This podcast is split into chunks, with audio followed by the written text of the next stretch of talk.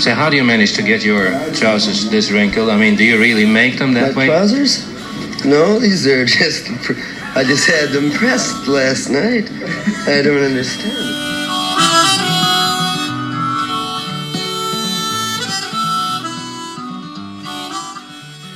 Välkomna till Vi snackar Dylan, ett nytt avsnitt.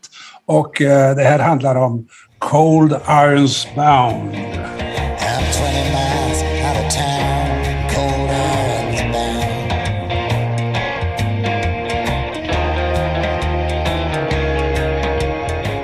Jag sitter nu 20 miles out of town, men jag har det ganska varmt och skönt faktiskt. Hur har du det? Joakim Bengtsson, gästen idag. Hur har du det? Vad fint, tack så mycket. Det ser ut som en kakelugn bakom dig. Ja, men det är det. Bor, eh, det är, jag har precis flyttat hit, eller det var två år sedan nu. Det, du vet, tiden går ju. Men um, det är en kakelugn. Um, jag bodde tidigare på Gästrikegatan här i Vasastan och nu bor jag på Norra Stationsgatan. Så jag har utsikt mot den vackra Essingeleden. Wow! Du är räddaren i nöden, det vet du. Du, du. du fixade biljetterna till mig till eh, konserten på Beacon Theatre i november. Det var fantastiskt. Så du har ett väldigt stort plats i, i mitt hjärta. Och du var där och du såg eh, flera konserter, eller hur? Ja, jag såg ju också en Beacon-konsert, men jag såg eh, tredje konserten. Du såg ju första var det va? Ja. Ehm, Nu drar vi över till eh, Cold Irons Bound. Alltså du hade ju x antal alternativ till dagens samtal, men eh, det var kanske Ja. mitt förslag. Eh, ja, men vi tar den där. Men, men det har någonting med en konsertupplevelse att göra, eller hur? Ja, det, det har det faktiskt. Jag hade en så fantastisk upplevelse av den år 2000 i Oslo. Jag hade sett eh, min första konsert i Göteborg 2000, Stockholm 2000 i Globen då. Jag var 20 år gammal eller något sånt. Och så skulle jag åka till eh, Oslo, men jag skulle ta flyget. Så åkte jag till fel flygplats i Stockholm. Så Så bara, jag kom fram, var är mitt flyg någonstans? Jag hade åkt till Bromma. För jag var van vid att åka med Bråtens eller Norwegian eller vad det hette som gick från Bromma. Men till Oslo gick det från, från Arlanda. Det var bara så typiskt mig. Så jag fick hoppa in i samma taxi för jag var redan sen. Så för jag fick ta samma taxi, åka till Arlanda och så kör, sa jag bara kör gasen i botten, du får göra vad du vill men eh, jag måste fram. Men jag hann inte i mitt flyg. Men eh, jag fick köpa en ny biljett helt enkelt, en ny flygbiljett. Och så fick jag sista på planet, sista biljetten på planet. Men jag kom fram till Oslo och när jag gick in på arenan och precis satt mig så började han spela. Så jag hann liksom, jag hade en jättebra biljett, eh, på rad sju eller något sånt där. Och, och så började han spela och det var så fantastiskt bra. Och han spelar bland annat Cole Arons Bound. Det var, bland, det var det största jag har varit med om musikmässigt. Så.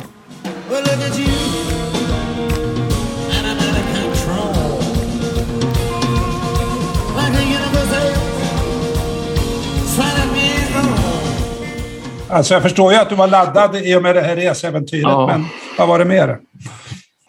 Det är klart, nej precis. Jag var ju helt eh, liksom sinnesmässigt helt eh, freakad. Men så spelade han den låten. Jag hade ju lyssnat på Time Out of Mind väldigt, väldigt mycket. För det var en av de skivorna som gjorde att jag började gilla Dylan väldigt mycket. Och så spelade han den här låten. Ett annat arrangemang än vad jag var van vid. Men inte bara det, utan det var så oerhört intensivt och rockigt och eh, gitarristerna där, eh, Charlie Sexton och Larry Campbell, de det var nästan som att de låg på rygg och spelade. När de, och, och Dylan var helt inne i det och det var sån otrolig stämning.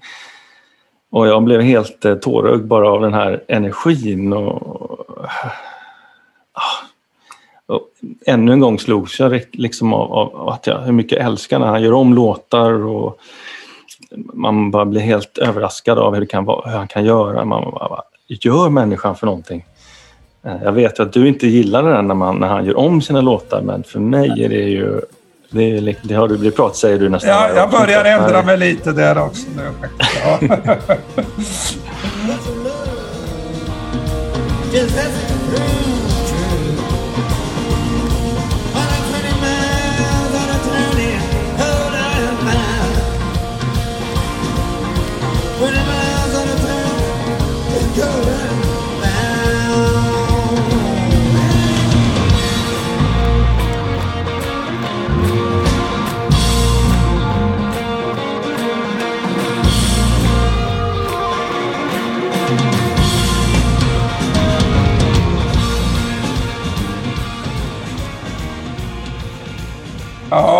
Ja, men det måste vara oerhört alltså. Och, eh, Ja, det var...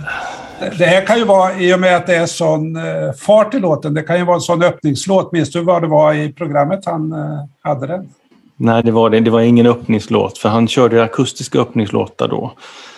Jag kommer inte ihåg vad det faktiskt, men det var absolut inte öppningen, för då var det akustiska Roving Gambler eller något sånt där.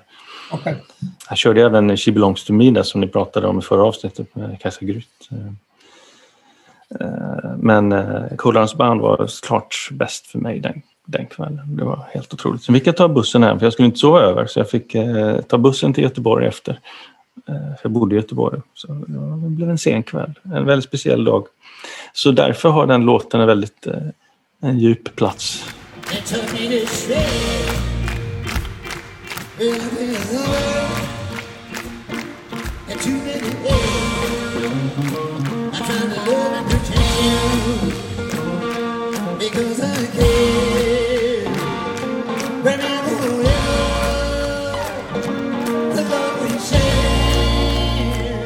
Har du hört hur den har eh, kommit till, den här eh, låten?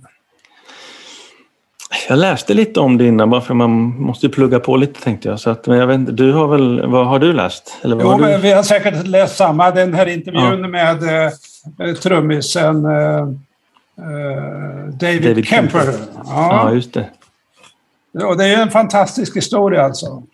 Ja, David Kemper kommer till studion och ska spela in Time Out of Mine. Han, han är där lite tidigare och sitter och tränar på någon ny rytm och så vidare. Bob kommer in och säger Hallå, vad är det du kör? Ja, men jag hörde det där på någon kubansk skiva. Fortsätt med det, säger Bob. Jag har, jag har ord till det här.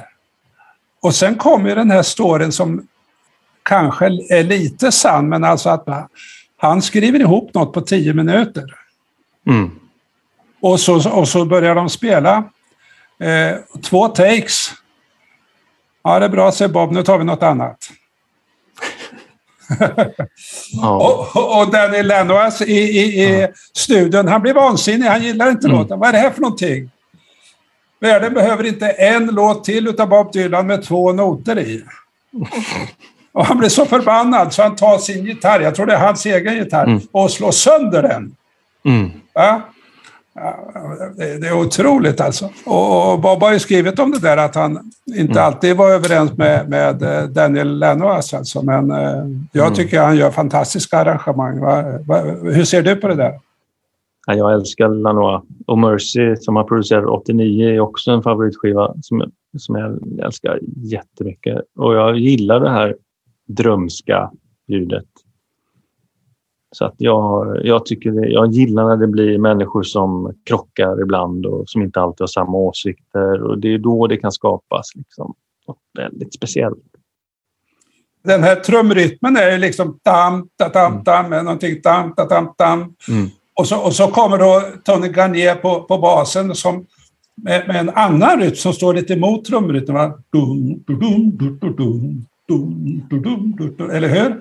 Alltså Någon det, slags melodi som han kör där Ja. genom låten. Och, ja, eh, som bryter av. Jag, helt, ja. Förresten, jag, jag, jag läste också att Dylan ville att, skulle, att skivan skulle låta lite som, lite som Buddy, Buddy Holly. Det tycker jag inte skivan gör alls. Är det någon låt på skivan som låter lite som Buddy Holly så är det ju kanske den här. Alltså rent rytmmässigt och eh, drivet. Och de andra är ju liksom långsamma, svepande ballader. Och, eh, och jag lyssnade på lite på Buddy Holly här innan bara för att komma lite stämning. Och så, så att, eh, det, var, det var trevligt. Men det är ju helt olika. Buddy Holly är ju... Han letar efter någon. Han var ju så ung medan Dylan har ju lämnat någon eh, och är ju helt, helt tvärtom på alla sätt egentligen. Ja ska, vi, ska vi snacka lite om vad, vad, är det, vad är det för låt? Vad handlar den om? Vem är det som snackar? Och, vad säger du? Jag börjar, börjar bara undra, vad betyder Cold, cold Irons Bound? Jag vet Kom inte ens fram vad det betyder. Alltså. Ja, jag har en massa förslag.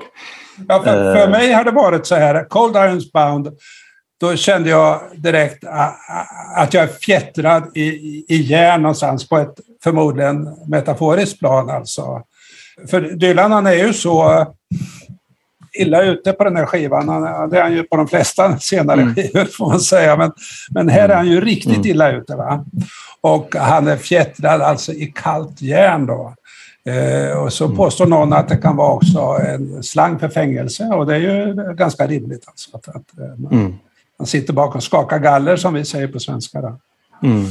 Hur, hur, hur har du fått fram det? Det var en av mina tankar också att eh, bakom lås och bom liksom och sådär. Men varför skulle han hamna där? Och då undrar jag, alltså har det gått så illa att han har skjutit någon eller dödat någon? Men varför skulle han sitta bakom lås och bom? För det första har jag inte tänkt så mycket på vad det betyder. Jag har aldrig tänkt på vad det betyder. Jag bara får en, en sinnesstämning som som bara känns helt rätt med den här låten.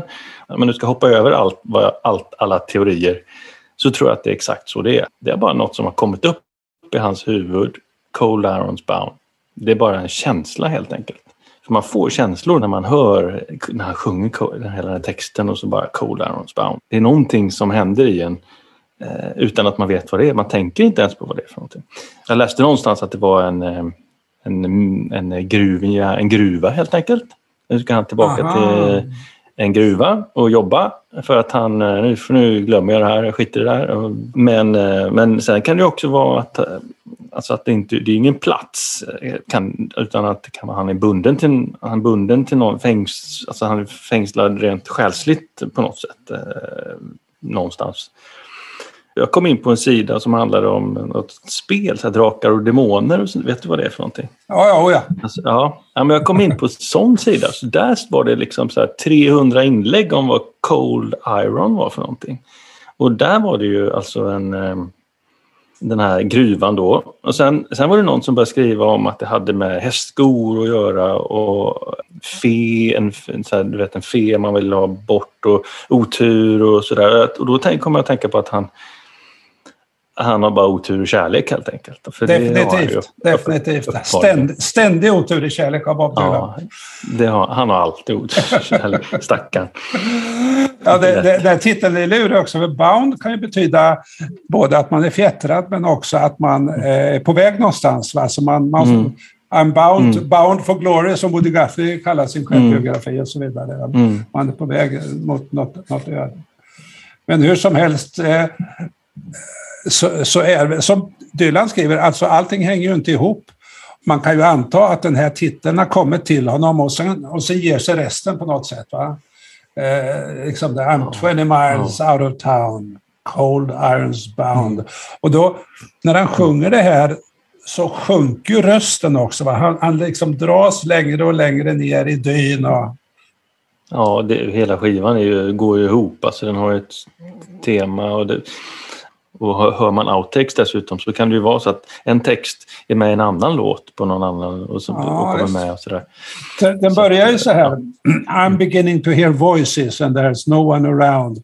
Och de här rösterna de kommer ju tillbaka i slutet på Million Miles som också finns med på den här skivan. Mm. Och som är lite liknande i sitt tema.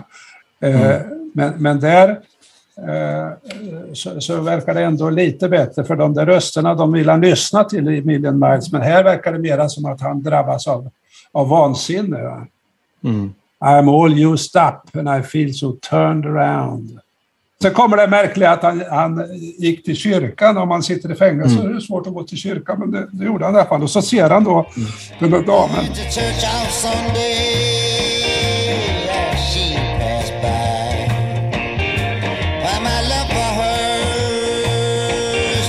Taking such a long time to die. Så det är omöjlig kä- kärlek alltså. Ja, egentligen är det inte så himla märkvärdigt eh, textmässigt. Sådär. Det är ju ganska tydligt vad som har hänt. Men eh, det är ju det är väldigt eh, vackert och man blir ju lite ledsen av det. Inte ledsen, jag, jag, jag blir glad för att det är så himla vackert skrivet och, och sådär. Så att, eh, Men, men det är ju något annorlunda att läsa texten. Det är ju alltid så med Dylan. Men, men vissa av låtarna på Time Out of Mind är ju så långsamma, fraseringen är så tydlig, så man är ju med i händelseförloppet hela tiden. Men den här låten som är lite rockig, där, där är det i alla fall för mig svårare att följa en berättelse. Det, man man Mm. hör vissa kodord och, och, och som du beskriver det drabbas av en, en slags stämning som bygger rätt mycket på vad är det jag snappar upp just här då. Men eh, nu har vi bara pratat om första versen här. Det fortsätter här. Det är ju nere i, nere i dimma så att säga. Ja, just det. Dimman kommer redan i första versen. Va? Han, han, han står till Ja. midjan i dimman. Man brukar ju stå till Mm. midjan i gyttjan, men, Mm. men, men den i gyttjan den kommer ju senare tror jag. Va? Mm. Eh, I tredje versen, Well the road is rocky and the hillsides is mud. Så där kommer gyttjan nu. Joakim, ta några rader som, som du har fångats utav. Nej, jag bara fortsätter här. Andra, när jag läser på texterna så är det I'm, I'm waist deep, waist deep in the mist. It's almost like, almost like I don't exist. I'm 20 miles out of town in cold irons bound. Um, deep in the mist, it's almost like I don't exist. Alltså att han knappt ens finns. Nej, Och sen, från- ehm, om man jämför det här med Not Dark Yet som kommer tror jag, alldeles före på skivan, där är det ju It's Not Dark Yet. But I'm almost there. Va? Så att det, här, eh, det är något ljusare stämning i den låten får man ändå säga, fast den är dyster. Mm. Men här finns den knappast.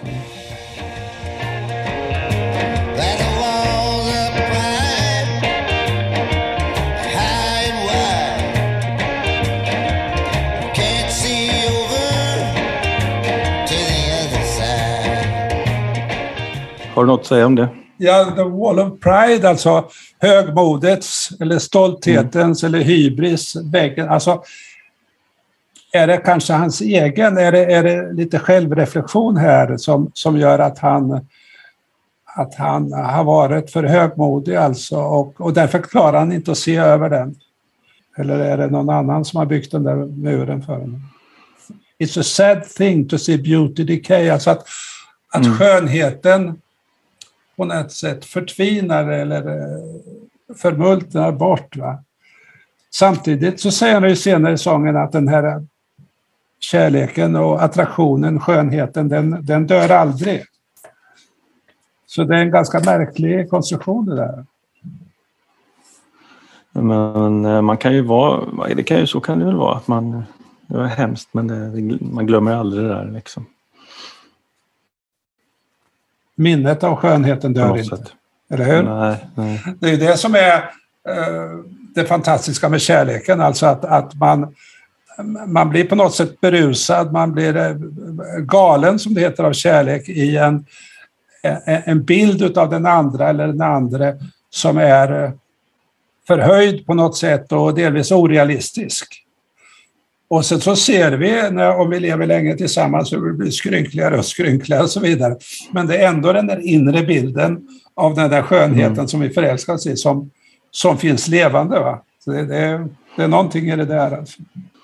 Det är svårt att inte, för mig att inte tänka på hur han hade det personligt eh, själv eh, just här eh, kring den här Ja. perioden. Tänk, Okej. Har du tänkt på det? Jag försöker hålla de där tankarna borta, men Jag jag, vill, höra, men jag vill höra dina funderingar Joakim. Jag försöker också inte tänka på hans privatliv. Men när det är sådana här texter, hur kan man inte hur kan man inte tänka på det? det att det måste ju gått illa någonstans. Och, och så hör man rykten om att han skiljer sig och allt möjligt. Och, Ja. att, eh, ta ett förhållande och så, så passar hela skivan jättebra in.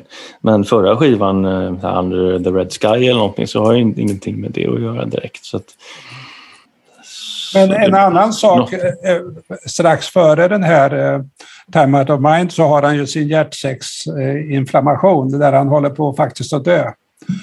Och det spelar väl ganska stor roll för, för Ja, men det var, det var ju faktiskt efter den här skivan. aj, Ja, jaha, så det håller inte. det var Okej. efter den här skivan. Då hade, den var helt klar. han Så hade att, spelat eh, in ju den. inte. Och, så, så, och så, Ja. så blir han sjuk och sen ges skivan ut, men då har han redan spelat in den, eller hur? Han hade redan spelat in den. Ja. Ja. Det var då han sa I almost uh, got to see Elvis. Ja, just det. Uh, There's too many people, too many to recall. I thought some of them were friends of mine. I was wrong about them all. Well, the road is rocky and the hillside's mud. Up over my head nothing but clouds of blood. Det här är ju bra. Man blir lite ställd liksom. När man, aha, aha. Man, man bara går och lyssnar. Man är på stan eller man är hemma. Och man bara, ah, vad är det här?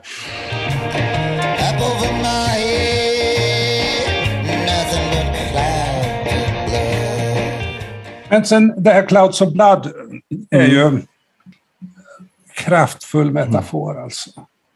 Mm, mm, Moln av blod. Han har ju skrivit om Red Skies i en massa låtar, men inte ja.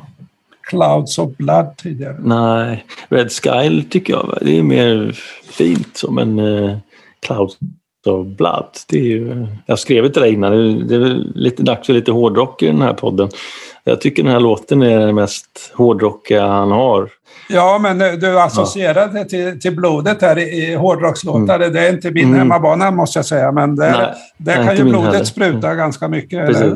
Ja, så det var därför jag tänkte på det när han sjöng. Jag bara, fan, alltså, ja. Men det här är mycket tyngre än all hårdrock skulle jag säga. På något sätt. Det, ja. Sen blir det lite mjukare igen ju. I found my world, found my world in you, but your love just hasn't proved true. Ja. I'm 20 miles out of town in cold irons bound. 20 miles out of town in cold irons bound. Ja, just det. Men, men det, lite snällt så. alltså, det är ju berg och dalbana här. Va? Alltså, I found Mm. my love in you. Men den var ju inte eh, trogen, Mm. den, var inte, den var inte sann. Nej, Just hasn't brought, så det, det blev inte så bra. i alla fall. Nej. Tillbaka till det kalla järn, järnet igen. Mhm. Känns det. Okej, vi Och går vidare med eh, fjärde versen där. Här kommer ju någonting som, som Bob ibland överraskar mig. Han vill ha någon slags geografisk eh, punkt att fästa Mm. storyn i. Här är det Chicago. Mhm. Well, the winds in Chicago have turned me to shreds. Jag måste säga att jag innan idag så jag var tvungen att lyssna på lite olika liveversioner. För jag, jag är ju en sån som gillar liveversioner av Dylans låtar som du kanske har förstått här nu då. Det kan verkligen gnistra till på riktigt i vissa liveversioner. Och så hörde jag en version från Chicago. Det var 2005 eller något sånt där. Eh, och det var så fantastiskt bra. Och så sjunger han det här of, of the winds in Chicago have torn me to shreds. Och det är klart att då jublar ju publiken och du vet, man bara lyssnar på det här och man kommer så, man förflyttas och man kommer in i den konserten på något sätt. Och sen bara fortsätter det. Det är helt fantastiskt. Eh, ja, helt magiskt. Har du någon teori om varför det, Chicago kommer in? Är det bara slump eller? Ja, men Chicago är ju blåsstaden, va? Är det inte det? Ja, jag vet inte. Det är, jag, Jo, jag har aldrig det- varit där. Vindarnas... Ja, jag har varit där. Men jag minns ingen vind alls. Det var kallt. Men Chicago är en så klassisk stad. Det är mycket bluesfolk där. Och det är, så Chicago funkar alltid att dra in i en låt. Det är ju, Ja, ja, just det. Alltså, så kan man ju tänka sig. Det, det är ju Chicago Blues. Alltså, där kom ju de eh, svarta migrantarbetarna från södern upp till Mm. Chicago, till eh, Meat District och så vidare, de, de stora Mm. fabrikerna där. Och, och där eh, växte en ny typ av storstadsblues Mm. fram. Så man kan ju tänka sig att det här är en gammal bluesman som har va- varit i den där traden och farit illa i Chicago. Mm. Eller så är det Dylan bara som åker runt själv. Det, han är ju ofta och spelar i Chicago. Men eh, och jag, jag vet inte, ska man, jag vet att ni pratat om det här innan, att det är för länge sen och sådär. Att, att hans låtar är för länge sen, alltså på 20-talet eller vad det nu kan vara. Men jag tror att han blandar. Alltså det är bara, det finns ingen tid, ingen specifik tid utan eh, han bara får den här raden i huvudet och, och så låter det bra och så gör det det och så pusslar han ihop det på sitt sätt. Ja, det, Men alltså, Dylans huvud är ju en encyklopedi. Han, han samlar ju sina rader, han samlar sina lappar, han samlar sina citat. Och, och eh, kalenderbitarna har ju hittat hur många referenser som helst till gamla eh, blueslåtar i den här. Alltså. Eh, enstaka rader. Och här, här finns ju också en hel del William Blake, bland annat är eh, Clouds of Blood. Som, eh, för, för vid den här tiden läser han mycket William Blake. eh, har han skrivit om. Och, och just den bilden använder Blake. Och han, han har också en, en sång som heter Little Boy Lost. Så, så finns det en rad som heter They bound him in an iron chain. Och det är ju inte direkt cold iron bound, men det är bound Nej. Iron i alla fall. Så att Blake är, då en romantisk poet och sen är det gammal blues och sen är det, ja, det är lite av varje det här. Va? Sen är det Mm. någonstans nu också. Men Bob är ju en gammal stöt. Okej, ska vi hoppa till femte versen för den är ju... Eh, den börjar ju rätt roligt alltså.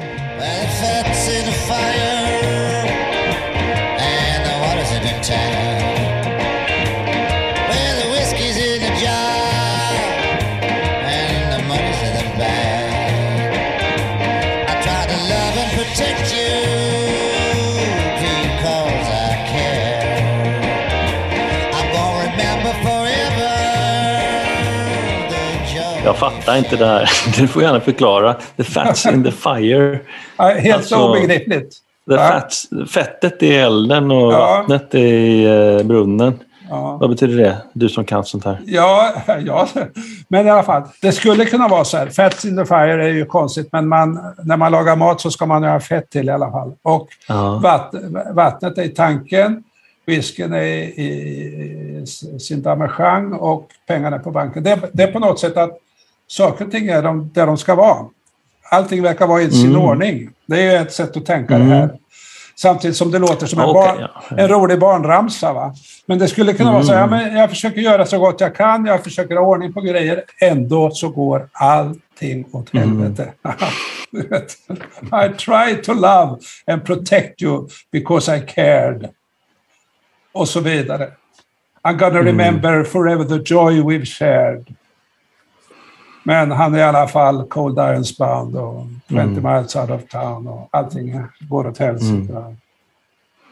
Men, men ä, apropå citat och sådär, Whiskey in the Jar, det är ju en klassisk irländsk sång Mm. som alla Mm. människor har spelat in. Va?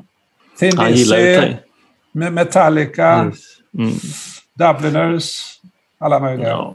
Han gillar ju att ta in sådana rader som, som är klass, riktiga klassiker. tar han ju in alltid och, Ja. Och lägger till några ord eller tar bort några ord. Eller, han bara förbättrar dem helt enkelt. Liksom, han bara gör det ännu snyggare på något sätt. Det är typiskt Dylan. Vi Ja. kastar oss över i, i um, Masked Ja. and Anonymous. Mm. Vad är det för någonting? Mm. Ja, det är en film han gjorde, eh, regisserade och skrev och regisserade. 2002, 2003 kom den i alla fall. Eh, och massa kända skådespelare och sådär. They want you to sing that song Revolution. Yeah, Beatles song. The slow version, the in out one. A revolution. Um, what else do they want me to play? Well, I got the playlist right here. Let's see, where's my glasses? Okay, here we go. Revolution, Street Fighting Man, Won't Get Fooled Again, Cell Block Number Nine. Ohio, Eva Destruction, Kick Out the Jams. You can do all those. No, no, no, sweetheart. Sound like a lot of songs. But son, you blew it before. This is your big chance. I'm trying to get your career back on track. There's people out there giving prizes to people like you. Prizes. Yeah, people are impressed by people who win things, don't you know? Ain't that the truth? Look, son, I'm trying to be on your side. Just let me. You gotta be born on my side, sweetheart. Jag ska säga att jag har inte sett den här på flera år och jag har bara väntat på att jag ska se om den.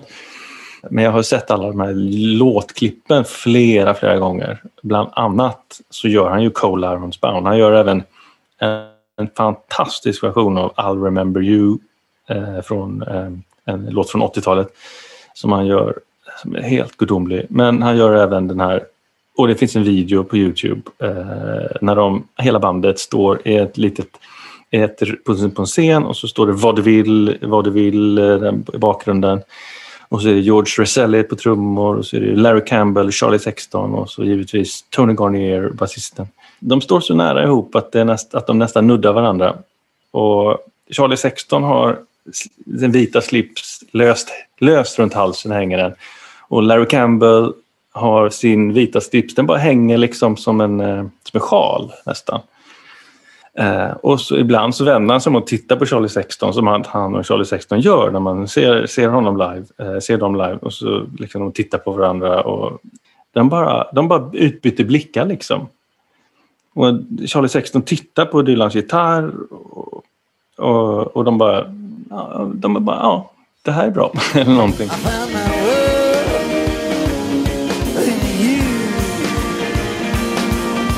Your love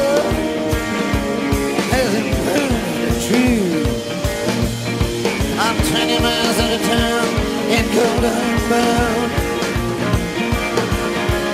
20 miles out of town in cold bound.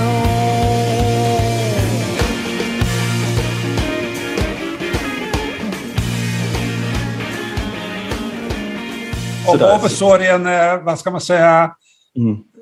Vit hatt eller ljus, Mm. eh, riktigt sån här eh, Texas 10 gallon Mm. hatt som eh, Mm. håller på och flyger iväg alltså. Mm. Ja, den är ju så stor eftersom det är så, han står ju så nära. eh, Ja, ja. Jag vet inte om det är någon slags vidvinkel. Så här. Hatten är ju, tar ju upp halva skärmen nästan. Och sen han en, en, en sån så- där eh, Hank Williams eh, broderad skjorta också. Ja, ja, ja, med massa grejer. Och, och han ser så cool, och, cool ut. Som att han... Så här, typ, typiskt Dylansk. Alltså, som att han är... Att han inte bryr sig liksom. Men ändå så bara gör han ju värde. Så det är ju en fantastisk video. Man blir helt eh, gråtfärdig när man ser den bara för att den är så cool. Och så bra. Jag lyssnade igenom med massa olika versioner innan. Eh, och från 99, mellan 99 och 2000 så bytte han då från det här skivversionen till den här lite nya versionen som är lite ja, stannar upp och så är det helt tyst och så är det bara Dylan som sjunger i stort sett och så är det bara en bankande trumma. Eh, som gör att man bara, ah, vad är det här? Eh, och det har de kvar där 2002, lite av det i alla fall. Eh, Oslo 2000 där så är det ännu mer, det är ännu tyngre. Men eh, det är kvar i den videon så den ska man ju absolut se för den är så himla annorlunda från, eh, från skivversionen som är som en, egentligen som en tjock dimma i jämförelse med, med, med hur det låter live. Eh, Okej, jag, jag ska berätta lite om filmen, för jag såg den precis nu. Ja. Ja, okej. Eh, och, Idag? Och, ja, igår faktiskt. Mm. eh, Den ligger på Youtube, eh, klipp, Mm. eller länken finns med på, Mm. på podden. Eh, den är rätt rolig. Han, han gjorde en Mm. film som heter Hearts of Fire, som Mm. kom 1989 och som är en rätt dålig film. Eh, men där är han också en misslyckad eh, före detta eh, stor artist Mm. som ska hjälpa en yngre artist på, på vägen. Men det gör han ju här också. Mm. Och storyn är så här att John Goodman, eh, som är en fantastisk skådis, han slår igenom som Fred Mm. Flintstone. Och, så gör han eh, Mm. radarpar med eh, Jeff Bridges i, i det här The Big Lebowski. Mm. Och Jeff Bridges är också med i den här filmen. Så har en ganska konstig roll. Men i alla fall, storyn är att John Goodman, han är pank, han är hotad, han ska försöka tjäna pengar. Enda sättet att tjäna pengar han kommer på, och det är en märklig revolutionär situation i något konstigt land, är att göra en välgörenhetsgala. Mm. Och då, så, då ska de gräva fram, ingen artist vill vara med här för det är alldeles för farligt att sjunga på det här stället. Men då lyckas de få tag i den gamle Jack Fate som var stor Mm. förr men numera är bortglömd. Han sitter i fängelse. Mm. Och, då, och, och det är en fantastisk scen där, där ehm, eh, en fängelsevakt ska släppa ut Jack Fate här. Va? Så här, you are free. Och Dylan då, va? Med, med namnet Jack Fate. Han kommer uppkrypande som ur en kloakbrunn och han ser förfärlig ut och säger I have felt free for a long time. och, och, och, och den här filmen gick till ungefär som, som när han skrev eh, Cold Irons Bound, verkar det som. Han kommer alltså med en, en låda till filmproducent med en jädra massa små lappar med små repliker i. Mm. Kan du göra någonting utav det här, säger Bob. Och sen håller de på och pusslar och får ihop ett ganska tokigt manus utav det där. Jag tycker det är en rolig idé. Så det är ganska må- många roliga repliker i filmen, men det är det, Bob säger nästan ingenting, det är de andra som säger det. Alltså, så här, så. Ja, men det är ju en fantastisk... Eh, Val Kilmer med också, va? Ja, han, är, han är en galen djurvän. Han, han älskar djur och hatar människor. Låt, låter som Ulrika. så, så att, eh, ja men det är lite grann, eh, vad heter den där turnén, du vet, när de, eh, Zigenarbandet, Rolling Thunder. Rolling Thunder Review. Och sen Rolling Thunder, ja. Ja, ja. Mm. Jag minns en scen från den filmen, jag tror det är slutet, om jag ska säga det. Alltså, Ja. han, sitter, han sitter på en buss. Är det det? Alltså, han Ja, sitter i en buss och man bara... Och han bara han spe, Dylan är ju en väldigt konstig skådespelare, för han är ju ingen skådespelare. Men Nej, det är han inte. så speciell skådespelare. Och ska han låtsas som att bussen vet, sitter i en bil så här. Och så sitter han där och så...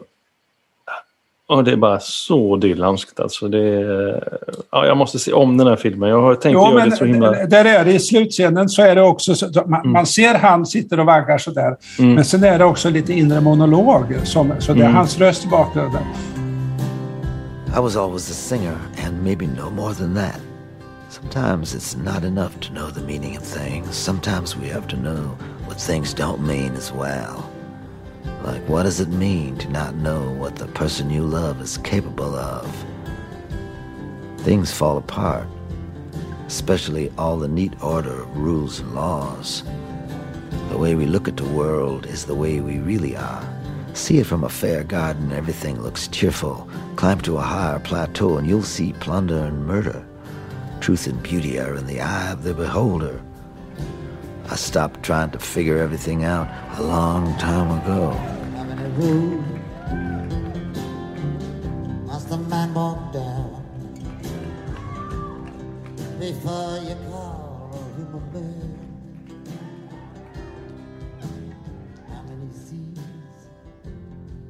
Och filmen är så ironisk därför att Bob, under du vet, hans tidiga karriär på 60-talet, då var han ju så att säga eh, den så kallade protestsångaren och The Voice of a Generation. Han hatar ju det. Och han blir då hela tiden utsatt för att folk vill dra med honom på olika sådana här kåsis. Va?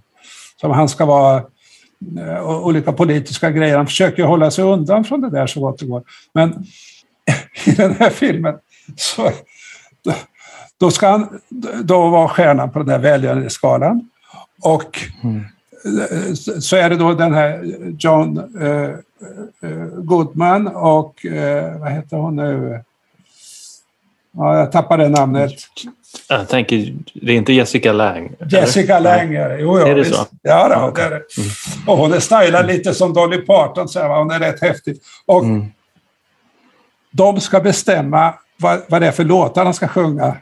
Ja, du måste sjunga Mm. Revolution, säger de. Jaha, men det är ju en Beatles-låt, säger Bob.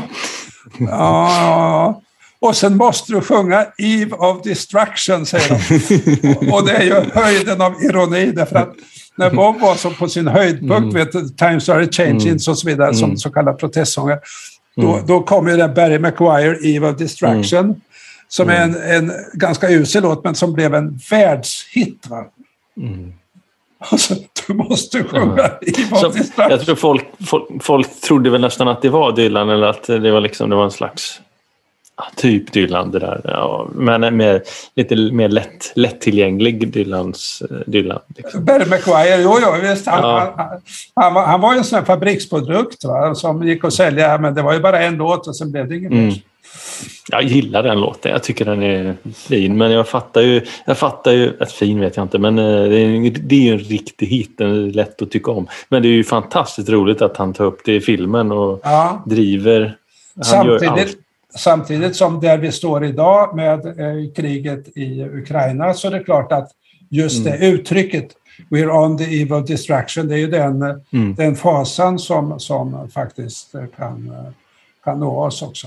Det finns ju in, nästan inga covers på den här låten. Och det, jag vet inte vad det beror på, men det, den är nog förmodligen svår att... Svår att liksom... Det är ingen riktig melodi egentligen. Det är nog, finns ju många andra Dylan-låtar man kan göra.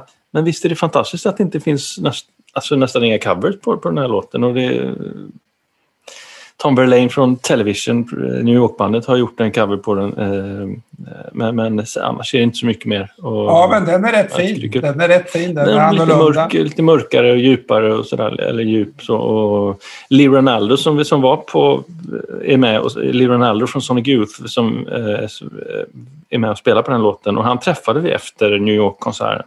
Eh, fick hälsa på honom. Jag har aldrig träffat honom innan. Men, eh, och Tom Verlaine har jag också träffat. Det var i Paris. Men eh, det, var, det är en helt annan historia. Det, det, ja, men det, det är kul att det inte är så många som har gjort en covers på den här låt, cover på den här låten för att den är för svår på något sätt. Eller den, varför göra... Varför, det går inte att förbättra den för den är, den är bara... Det är som ett monument nästan. Alltså, du, eh, Joakim, vi får nöja oss med det. Mm. Det var eh, väldigt roligt att snacka med dig och vi lyckas få ut rätt mycket av den där låten faktiskt. Mer än vad jag trodde. ja. Och eh, Cold Irons Bound på er alla lyssnare. Vi hörs igen.